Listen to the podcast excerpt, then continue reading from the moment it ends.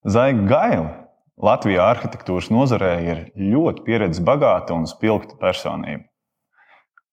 Viņa ir ļoti daudz ko sasniegusi līdzšinējā pieredzē, gan sensenajos padomju laikos, gan arī mūsdienās. Tieši tādēļ šodien es vēlos ar viņu aprunāties par to, kādi bija noteikumi darbam tajā laikā, un nedaudz ieskatīties arī nākotnē, kā Rīga varētu izskatīties pēc vairākiem gadiem.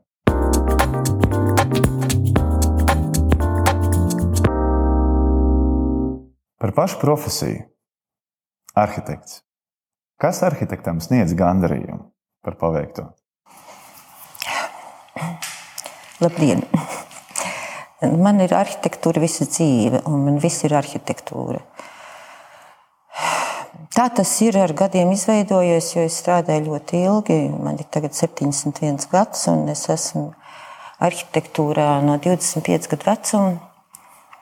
Un tā tas pamazām aiziet, kad tu saproti, ka tā ir tavs dzīves kaislība. Un, ja kaut kas ļoti patīk, un kaut kas ir, tad tas ir, ir laime, tā ir bauda, tā, nu, tā ir kaislība. Vislabākajā nozīmē es faktiski visu savu dzīvi pakārtoju tam, ko es daru, jo man tas ļoti patīk. Un man viss ir arhitektūra. Nu, visplašākā pasaules uzbūve, sāksim ar to. Jo es pavisam burtiski iejaucos pasaules uzbūvē, fiziski iejaucos, jo es kaut ko būvēju un kaut ko atstāju uz zemes. Dažreiz arī jūrā. Starp citu, projekts Jā, Kaltenē skaists. Jā, skaists. Tas, ir, tas ir jūrā. Un man vienmēr ir Dievam jāpaprasa atļauja. nu, tas ir tāda, tā ir man morāla, jo viens no tām ir kā mēs ievērojam robežas, kā mēs eh, dzīvojam šai pasaulē un ko mēs atļaujamies. Un tev ir iekšēji noteikti jāpaprasa atļauja. Es negribu teikt, ka es esmu ticīgs cilvēks, bet es, es absolūti sajūtu caur sevīm fiziski pasaules kopējo struktūru, uzbūvi, kāpēc es te esmu, cik ilgi, kas būs pēc tam, kas bija pirms tam. Un tad es sev ielieku tajā laikā, telpā un mēģinu izdarīt, cik labi es varu to izdarīt. Un tad galīgi nav nozīmes tur medaļas vai diplomi, ja, ja mēs runājam šādi. Tad, tad paša nospraustu mērķu realizācija. Cik labi tas ir iespējams. Tas nozīmē, ka jums ir jābūt arī labiem ceļbiedriem un, un, un pasūtītājiem, kas, kas vērš pie jums ar konkrētajām iecerēm.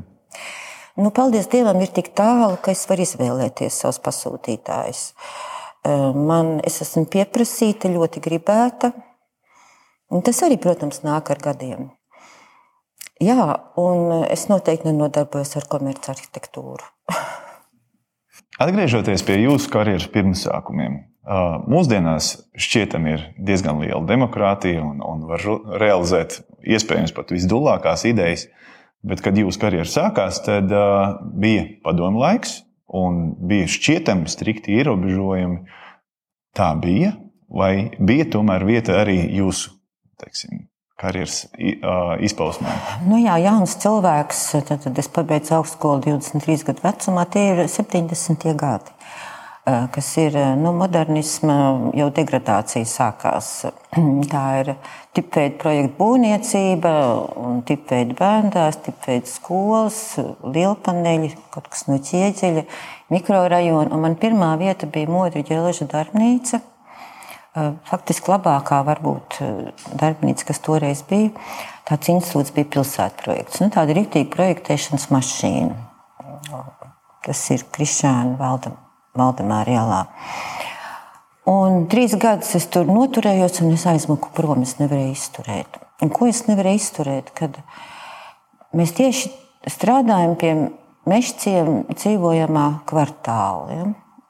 Tas ir salīdzinoši jaunākais dzīvojamais kvartāls. Un, un visu laiku vajadzēja bīdīt tās kastītes.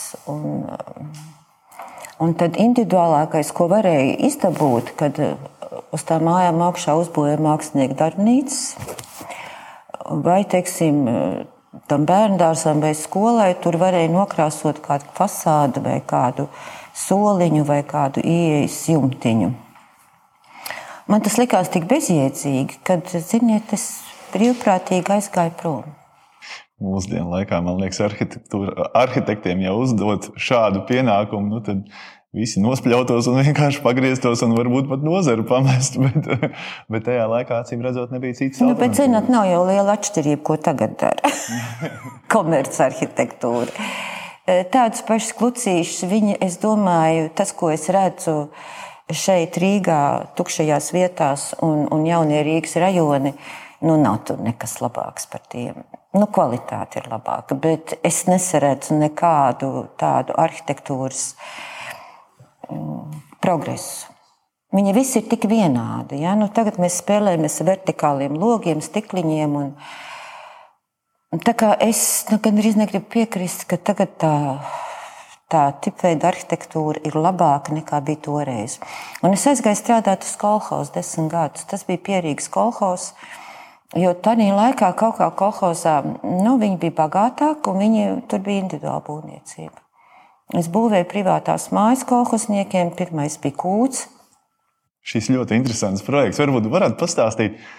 Tas kūts projekts viņš bija, viņš bija kā tā brīža iespējamā lielākā improvizācija, vai, vai, vai, vai tas tomēr bija, tas bija kaut kāds pasūtījums jā. ar striktiem rāmjiem? Ziniet, tas bija kaut kas tāds, es tagad pati brīnos, jo es nu pat pabeidzu otru kūtu rūmens mūžā milzīga kūts, un faktiski starp divām kūtīm ir.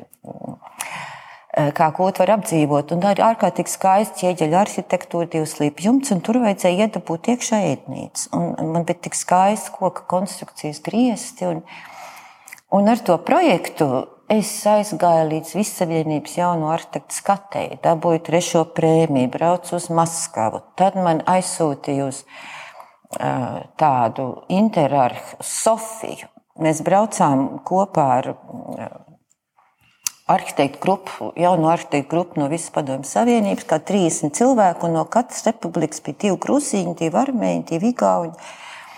Tas bija lustīgs brauciens veselu mēnesi, un tā jau bija jau starptautiskajā apritē. Mana kūts bija nolikta tur. Un kāpēc viņa aizķēra? Tāpēc, ka tas bija ļoti neparasti. Ja? Pilnīgi vēl nebija pārbūves, pilnīgi vēl nebija tāds, ka kūtī ietaisa ēdnīcu, vai teiksim, tagad jau tas ir. Eh, tie rekonstrukcijas projekti ir parastāka prakse. Bet, tas ir pilnīgi mans formāts, man tas patīk, man tas padodas. Es esmu trenējies to jau nu, 45 gadus. Kā vecās mājās, ielikt kaut ko citu, kā viņas apdzīvot. Um, tur ir tādi daži nu, interesanti punkti kā tu savieno veco ar jaunu. Un es saku, ka es būvēju uz pagātnes. Tā ir mana definīcija. Es paņemu to mantojumu, vienalga, man der padomi, man der cara laika, man der koka, man der mūra. Un tad kā viņu ievibrēt, izpēt pa visām vīlēm, un tad viņā ieliek to, kas, kas ir prasīts projektā. Un tas ir aizraujoši, tas ir tik interesanti.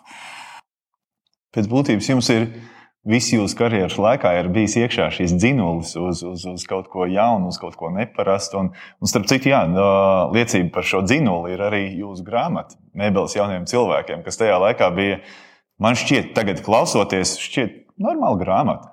Bet uh, tajā laikā visticamāk tā bija kaut kāda nu, kā revolūcija pret nozari. Vai, Ko šī grāmata priekš jums nozīmē? Vai tā bija tā kā protests pret kokainību pastāvošo, vai tomēr tas bija kaut kāds iedīgls jūsu vēlmēm iet uh, uzņēmējdarbības virzienā, kas bija liekas tajā laikā? Nekādas uzņēmējdarbības tur nebija. Absolūti, mēs esam jauni cilvēki, tikko apprecējušies.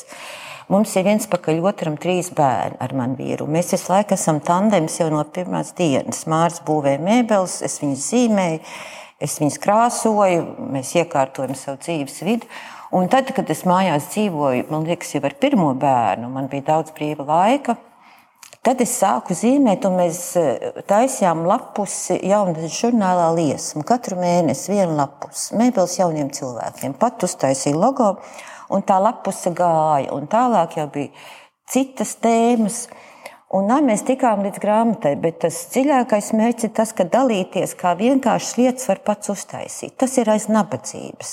Nu, neko nevarēja nopirkt. Visiem bija tikai igauņu lampas, kas bija ļoti smukas.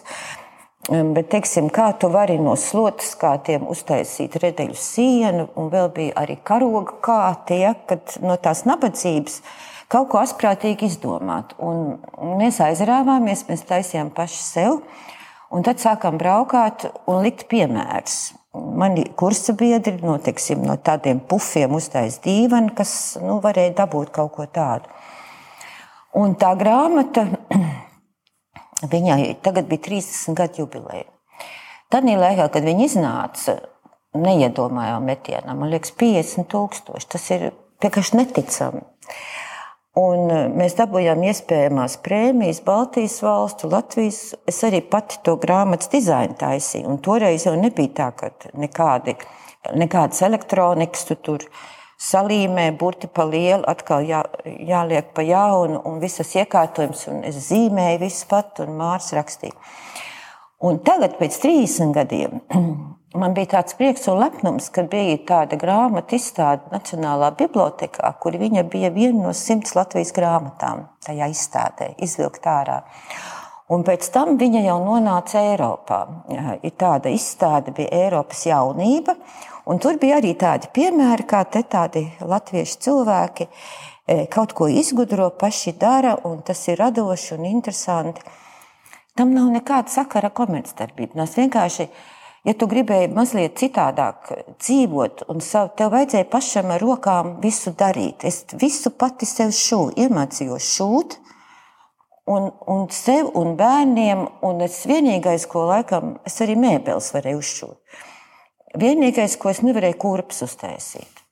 Bet tas jau bija tā, tā kā tas nekas komerciāls. Tas bija dzīvesveids. Tas bija dzīvesveids un ļoti, ļoti interesanti. Un tad, kad mēs pārgājām uz lauku mājām, tad visi latviešu inteliģenti sāk pirkt uh, vecās pamestās lauku mājas, braukājām, likām piemērus. Un tad jau es pārcēlos uz Eiropu, kā Eiropā ir tradicionālā māja, latviešu tradicionālā māja. Tas viss bija ārkārtīgi interesanti. Jautājums par, par, par jūsu darbiem. Vai jūs sekojat saviem darbiem, kurus jūs esat realizējuši un, un uzbūvējuši? Un visticamāk, daudzi no jūsu darbiem jau ir mainījuši sākotnējos lietotājus, jeb pasūtītājus. Kādas ir sajūtas, un, un vai ir varbūt kaut kādas vilšanās gadījumā, ja tās sākotnējās ieceres tiek pārbūvētas, bet tas ir jauns skatījums, atkal nākošais skatījums? Kāpēc jūs tas interesē? Jautājums ir par labbūtību un ilgspējību. Jo patiesībā jautājums ir par projektēšanu. Tajā brīdī, tad, kad ēka tiek projektēta, vai fokus ir uz to konkrēto klientu, vai tomēr uz būvi kā ilgspējīgu teiksim, subjektu, objektu, un vai ēkai ir jādzīvo, jāspēj dzīvot pāri konkrētā klienta laikam, vai tomēr tam klientam ir jābūt priecīgam ar to, kas priekš viņa tiek konkrēti uzbūvēts. Nu, redz, tas ir vairāk uz privātu mājas jautājumu. Ja? Es teiksim, teātris taisa nākošiem simts gadiem, jau no Rīgas teātris. Ja? Tagad viņš ir pirmo reizi lielais remonts kopš 1902. gada. Tagad nu, gandrīz vairāk, 120 gadu. Mēs noteikti domājam uz priekšu. Es domāju, vairāk vai mazāk 100 gadus. Paskatīsimies, kā tie mūsu ilgspējīgie būvmateriāli to izturēs un mūsu iekārtas. Privāta mājas ir konkrētiem cilvēkiem. Ķīpselā mēs esam atjaunojuši 18 koku mājas. 18. Jā, viens pakaļ otram. Ģipša fabrika ir, eh, tā bija mm, Bēma ģipša fabrika Daugavas krastā. Eh, absolūti nolaists industriāls mantojums, un eh, mēs saņēmām dušu un uztaisījām pirmos loftus Latvijā. Vienkārši mēs tur blakus dzīvojām, darījāmies ar tām koku mājām, pašu savu māju uztaisījām, un tad kaimiņu mājas. Un skatījāmies, ka tā fabrika ļoti interesanta un toreiz jau parādījās Eiropā, pasaulē dzīvošana loftos. Latvijā tas vēl nebija. Un lūk, tā fabrika ar visu skursteni pārtaisīta pa dzīvokļiem. Un man jāsaka, ka joprojām bija divas kārtas, un tur vairāk kā simts dzīvokļi ir dažādu lielumu. Cilvēki dzīvo un priecīgi. Vieta ir fantastiska, skats ir fantastisks, un arī pats projekts nenoliedzami Diemžēl viņš tika realizēts pirms lielā sliktā bubuļa 2009. gadā, un tāpēc varbūt mājas sākotnēji neiedzīvojās uzreiz tik ātri, kā gribētos iedzīvoties, bet viennozīmīgi, jā, vēl joprojām šis ir viens no objektiem pilsētā, kas ir. Viņš ir kvalitatīvs, viņš ir ķieģelis, viņš nav nu, tie stikli un riģipši un, un tāds. Tie tomēr pamatīgi materiāli, un viņš ir godīgi būvēts. Ja? Pirmā daļā bija vairāk vecais, ko mēs tur apmīļojām un restaurējām. Un, un tik interesanti tie dzīvokļi, viņi tik neparasti. Un mēs strādājam, nu, mans birojs, kad nu, no sākuma līdz atslēgai, līdz kliņķim, līdz osiņai, līdz faktiski totālais dizains. Ja? Un, un iznest to cauri. Un otrā daļā, kad mans vīrs jau pazaudēja to fabriku, tāpēc, ka bija krīze, mm, un tad pārņēma domus. Tā ir Amerikas kompānija, jūs jau viņus zinat. Jā, jā. Nu, tad nu, atbrauc no Amerikas tas Jefiņš arhitekts un sāk man mācīt. un mēs ielikām melno ķieģeli, un tie amerikāņi nevar saprast, nu, kur tad melnas sienas istabā. Bet es saku, atļaujiet, nu, uzliksim vienu sienu. Un, tad, un tagad, tad, kad mēs viņu uzlikām, tad visi gribēja melnas sienas. Un tie interjeri ir tik stilīgi, ka iekšpus un ārpus, nu, tagad jau tas ir pašsaprotami. Nav jau neviens solīts cilvēks, kuram nebūtu vecs ķieģeļa siena kaut kur mājās. Tā kā tas bija ļoti, ļoti interesants projekts, un viņš joprojām dzīvo. Attiecībā uz privātmājām Es sekoju. Piemēram, tagad man ir ļoti interesanti, ka man ir trīs krievu ģimenes, kas atbēga no Maskavas kara pirmajā nedēļā. Nu jā, bet un, un šeit, viņiem nonākot šeit, tas ir, protams, tā ir cita mentalitāte, tā ir cita pieredze bijusi no turienes, un, un, un jūsu redzējums no šejienes. Cik jums viegli iet sadarboties? Man ar krieviem ir gājis visādi, ar Maskavas un, un Pēterburgas krieviem. Ir bijis, kad es esmu lauzus līgumus. Viena māja jūrmalā es sāku būvēt, un ļoti labi gāja. Tad kaut kas viņiem uznāca, un nebija pietiekoši ātri, un sāk stiept savu interjeristu. Es esmu ģipšu fabrikā taisījis. Bija tāds Anatolijas no Pēterburgas, kurš domāja, ka viņš, viņam būs sieva Latvijā. un, un tas bija nu, diezgan grūti. Un, un tā man bija vairāki tādi kritieni ar tiem Maskavas krieviem, jo viņi ir um, kādreiz ļoti iedomīgi. Nu, tāda augstprātīga. Ja? Kāpēc viņiem patīk Latvija? Nu, mēs taču zinām, visi jūrmāli. Ja?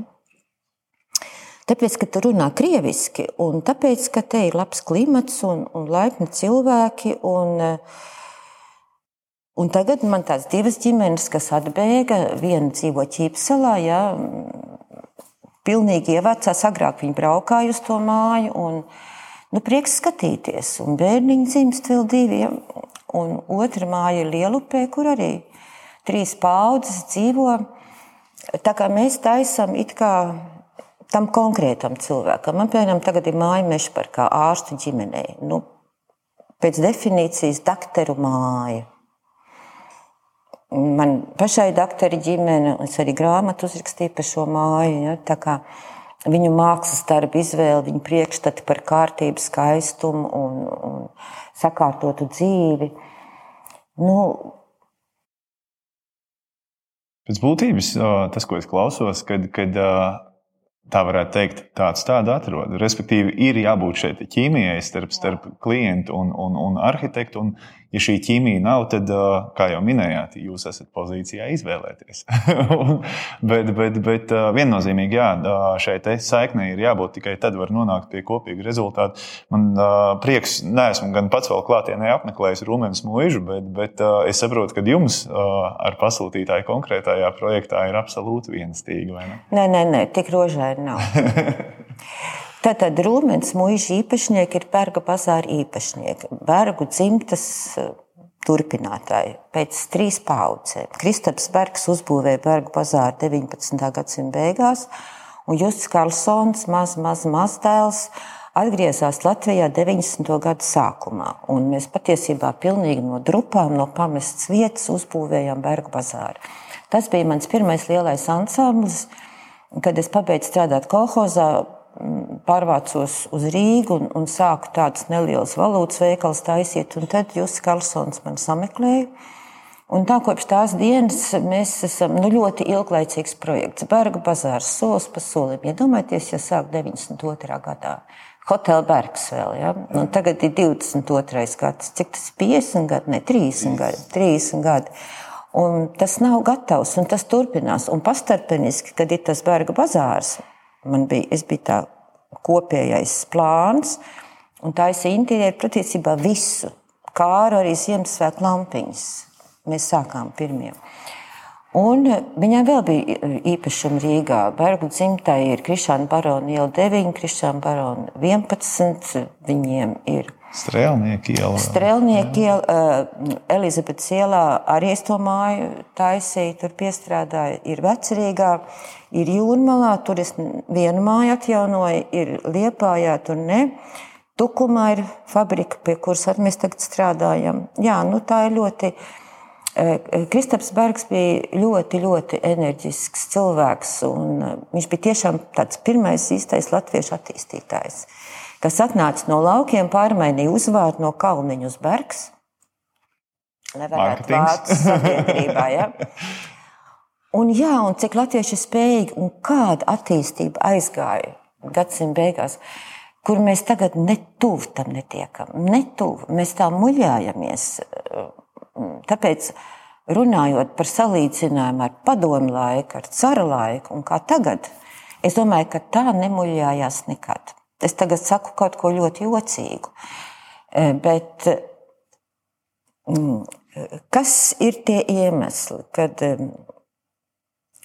visos manos projektos, vai tie būtu privāti, vai valsts pasūtījums, vai pašvaldības pasūtījums, teiksim, Kuldīgā skola bija pašvaldība, Eiropas nauda. Jaunais Rīgas teātris ir valsts nekustamā īpašuma. Vāgner teātris ir mūsu Vāgner biedrība. Tas nu būtu tā vienkāršāk. Bet eh, mēs tik ļoti viens otram vairs neusticamies, ka tagad tā kontrole, tā kontrolējošā birokrātija ir tā uzaugusi, ja, ka tas jau ir sen pazaudējis loģisku jēgu. Jūs to arī ar to saduraties. Pirmkārt, jau ir tev projekta iecer, tad visa tā dokumentācija, tad visa tā skaņošana, ja, kas jau aiziet pārkāpj absolūti visas saprāta robežas. Un tad man, teiksim, ir valsts kontrole valsts būvniecībā, pašvaldības kontrole pašvaldības būvniecībā. Tie bagari, uzraugi, kontrolētāji, konsultētāji, eksperti – Uz manīm ir tā tādas, kā lai viņas nosauc, kādas sasēduši virsū un dara visu, lai man traucētu. Es atvainojos, ka es tagad tik burtiski to saku, ja? jo es patiešām rādu produktu, bet to kontrolētāju ir daudz vairāk. Es teiktu, ka patiesībā nevis varbūt, uh, lai kontrolētu jūs, bet uh, baidītos no sevis pieļautām kļūdām, jo patiesībā neizlēmība ir bailes. Nespēja uzņemties atbildību, bailes uzņemties atbildību. Un tā ir lielākā daļa. Arvien mazāk cilvēku grib darboties būvniecībā. Ir problēmas tagad, ja? jo vienkārši tu nevari izlausties tam cauri. Un, teiksim, Skonto ļoti labi būvē jauno Rīgas teātri. Tas jau ir otrā firma sāka rērē, tur mums bija tracis un skandāls, un lauzām līgums, sākām no jauna. Tas pats man bija guldīgā, sāka ostas celtnieks, pabeidza Torenbergs. Jūs iedomājaties, viss šis te. Un tev pa starpu vēl visi dokumenti jānodod, kā jāpārskaņo katru izmaiņu projektā. Un kas tas ir, kad nu, mēs nekur netiekam uz priekšu. To es tāpēc arī, kad es redzu tagad to savu būvlaukumu, nu, teiksim, jaunais Rīgas teātris valsts pasūtījums. Es redzu to valsts nespēju tikt ar to galā. Mēs darām ārprātīgi daudz lieka darba, idiotiski, nevienam nevajadzīga darba, papīri, juristi. Ja? Un tāpēc, domājot lielākā mērogā, man ir lielas bēdas par mūsu valsti. Es redzu, ka ja man tā būve, kur es sajūtu to struktūru līdz kliņķim un, un līdz kloķim, tad es redzu, kā tā valsts, tas zobrakts negriežas. Mums ir tukšgaitā, viņš strīķē, mums nav kopējas vīzijas, un man tas ir tik žēl. Ja? Nu, Un atkal tie īgauni. Nu, paskatieties to jauno skaisto valdību ar to skaisto sievieti. Ja? Viņiem iet izglītība, viņiem iet veselība. Kāpēc mēs nekur netiekam? Tāpēc, ka mēs viens otram neusticamies un atkal kaut ko tāds partijas tur sakruķī, un mēs ejam tukšgaitā, un mums tas sobrati beržās un, un lūst kopā. Jā, jā, jā, jā. ir šī. šī Šī tendence ir novērota, bet. Tā nav tendence, tā ir liela slimība. Tā ir, jā, vai bēda. Bet runājot kopumā par pilsētu vidi un Rīgu. Rīgā arī nav vīzijas. Kā jūs redzat Rīgu? Kā izskatās Rīga pieredzējuši arhitekti? Es sākšu ar to, ka es Rīgu ļoti mīlu. Tā man ir mīļākā pilsēta pasaulē. Es esmu dzimusi, un es esmu augusi un skolojusies un strādāju. Un katru dienu braucu ar riteni un um, peldos Daugavā. Tās ir visas manas izjūtas, un es faktiski pārvietojos no vienas savu projektēta ansambļa ķīpselā uz Bergu bazāru. Uh, nu, tie maršruti, nu, varētu teikt, ka tā jau nav varbūt realitāte, bet katram ir sava realitāte. Un tas, kas ir mana realitāte, es domāju, ka tā ir, ir skaista un ir lielas iespējas. Nu, Rīgas bēda ir tas pats, kas globāli, kad e, mums ir centrs mirsnost. Mēs tikai visu laiku attīstam jaunas mājas, un daudz neizdevīgāk ir vecās mājas sakārtot un atgriezt dzīvē. Tas viss nāks, tā ir lēnā nauda. E, un šeit ir pilsētai ļoti rūpīgi jādomā, kā to atbalstīt, kā to stimulēt. Jo veikalā mirst nost veikalu, nu, centrā. Ja? Ja es eju uz Vilkiem parks, parks, piemēram, kas ir mans, arī es taisīju to veikalu, viņi saka, pie mums vairs nenāk vīrietis, kurš brauc ar mašīnu. Viņš iepērkās spicē kaut kur, ja? viņš piebrauc ar mašīnu, izkāpj ārā, viņš neiet pa ielu. Un tāpēc centrā tik ļoti, ļoti grūti ir atgriezt dzīvību. Tad ir vēl tās piepilsētas, piņķi, mārupes un Nu, un Rīga, kas ir, kas ir tā problēma, kad mēs arī esam aizgājuši, un ir tas kārotais suburbija modelis, kas ir amerikāņi to iesāk, ka tev savu sapņu mājiņu, un tad tu brauc uz centru strādāt. Bet nu, viss lūst uz transporta sastrēgumiem. Ja? Un Rīgā ir tilti, kas ir lielākā problēma. Nu, tad, protams, taķa līnija ir veloceliņi un uh, elektriskai braucamrīki. Brīnišķīgi. Loģiski. Mm, bet ar ko tas atkal sadurās? Ar uh, mūsu kultūru.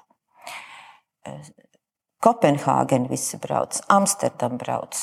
Laika apstākļi neietekmē, un mums ir pilnīgi līdzīgi laika apstākļi. Tā kā mīti, ka nevar braukt ziemā, var braukt ziemā. Gan jau mēs arī visas ielas notīrīsim, un nekur ledus nebūs. Bet nu, tieši tās, tas kultūras jautājums, ja, kad nu, mēs jau lasām, ja man uz ielas no kā visvairāk ir bailes, tie ir skūteri.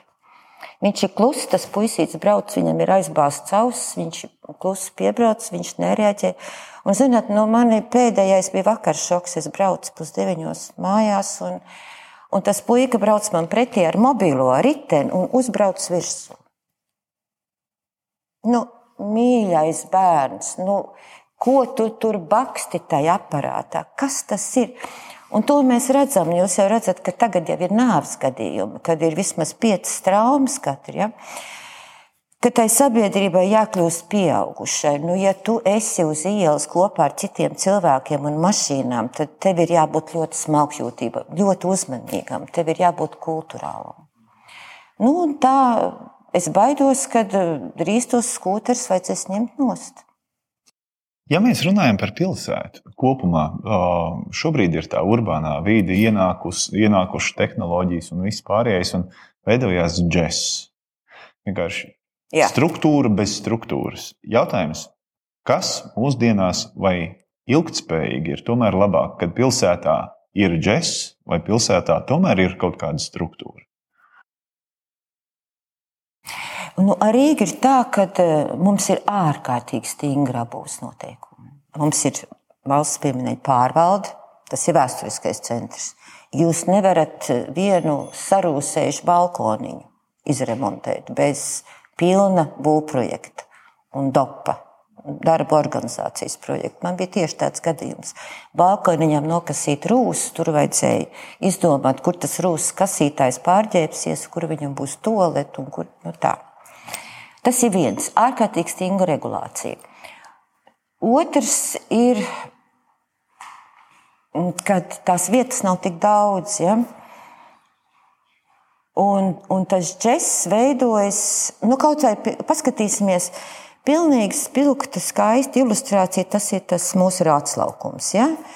kur ir apakaļ atbūvētais rātsnams, pirms tam atpakaļ atbūvētais melngānams, ļoti sliktas kopijas. Ne šis ne tas. Tad ir okupācijas muzejs, tad ir vēl dažas kompjutora arhitektūras un dažas tās historismas arhitektūras un vēl Kronberga viesnīca. Un tas ir džeks. Tas ir tieši formulējums, ko lietoja Andris Kronbergs. Vai mums patīk šis džeks? Man liekas, ka tas ir psihedēliski. Un, un ka tas džeks jau veidojās no tā, tas džeks var būt, bet es tur slikti jūtos. Ņujorkā 5. avēnija arī džeks. Kad tomēr lielāko daļu Rīgas uzbūvēja pirms 120 gadiem, bija ārkārtīgi spēcīga komanda. E, bija Rīgas mērs Armistets, Georgs Armistets, angļu izcelsmes aristokrāts. Viņš laikam valdīja 14 gadus līdz nāvei. Bija Rīgas galvenais inženieris, ākti, bija dārza un parku ģēnijs Kūfalds. Un šī spēcīgā komanda izdarīja faktiski ar Rīgu to, ko mēs tagad apdzīvojam. Tur ir skolas, slimnīcas, tur ir industriālais, tur ir sūkņu stacijas, fabrikas, dzīvojamās mājas. Un to Rīgu, ko mēs šodien apdzīvojam, tā ir viņu uzbūvēta. Ja? Un tagad patiesībā mēs tā tīzli muļājamies. Lai es atjaunotu vienu vēsturisku māju, nu, teiksim, piecstāvu māju Rīgas centrā, viņi uzbūvēja pa vienu gadu. Nepilnā gadā.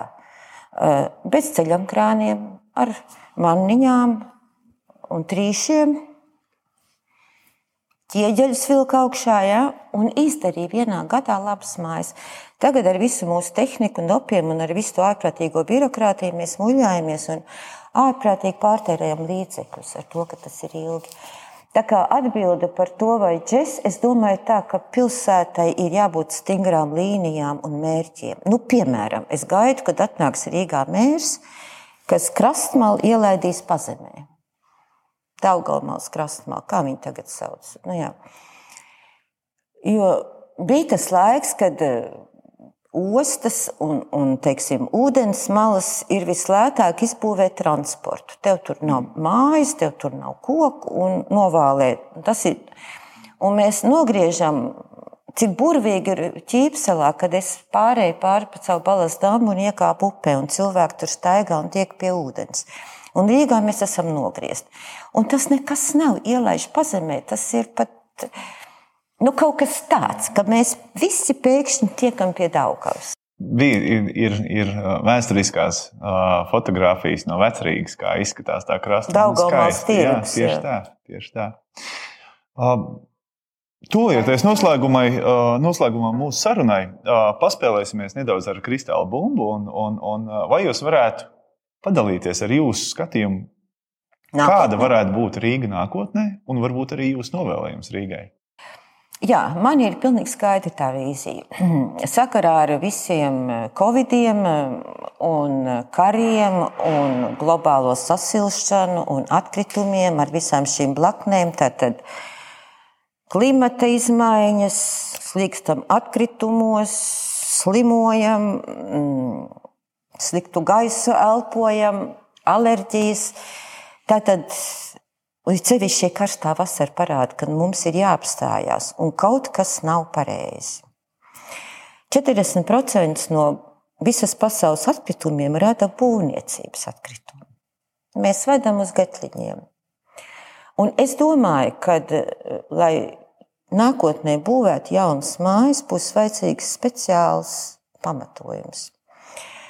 Tātad otrreizējā izmantošana resursiem, otrreizējā izmantošana materiāliem, uz to iet visa pasaule. Un šīs dūlās idejas sen jau nav modē. Vēl Ķīnā ir uh, iesākti projekti un iet.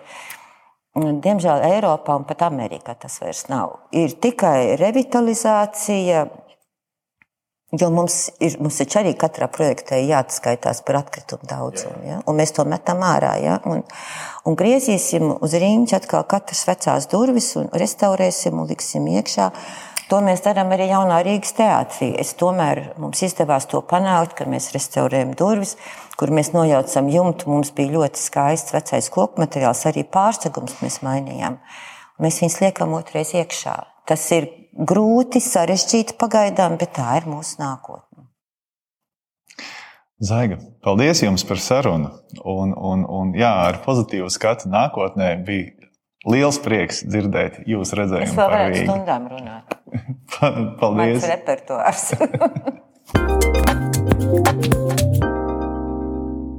Ar Zaigu Gaili man patika tas, ka bija absolūti tieša valoda. Un tā mērķtiecība, ja grib, tad var, var arī tajos laikos, kad bija strikti noteikumi, var arī mūsdienās, bet galvenais, ja ir vēlme un tieksme uz izcilību, viss var sanākt.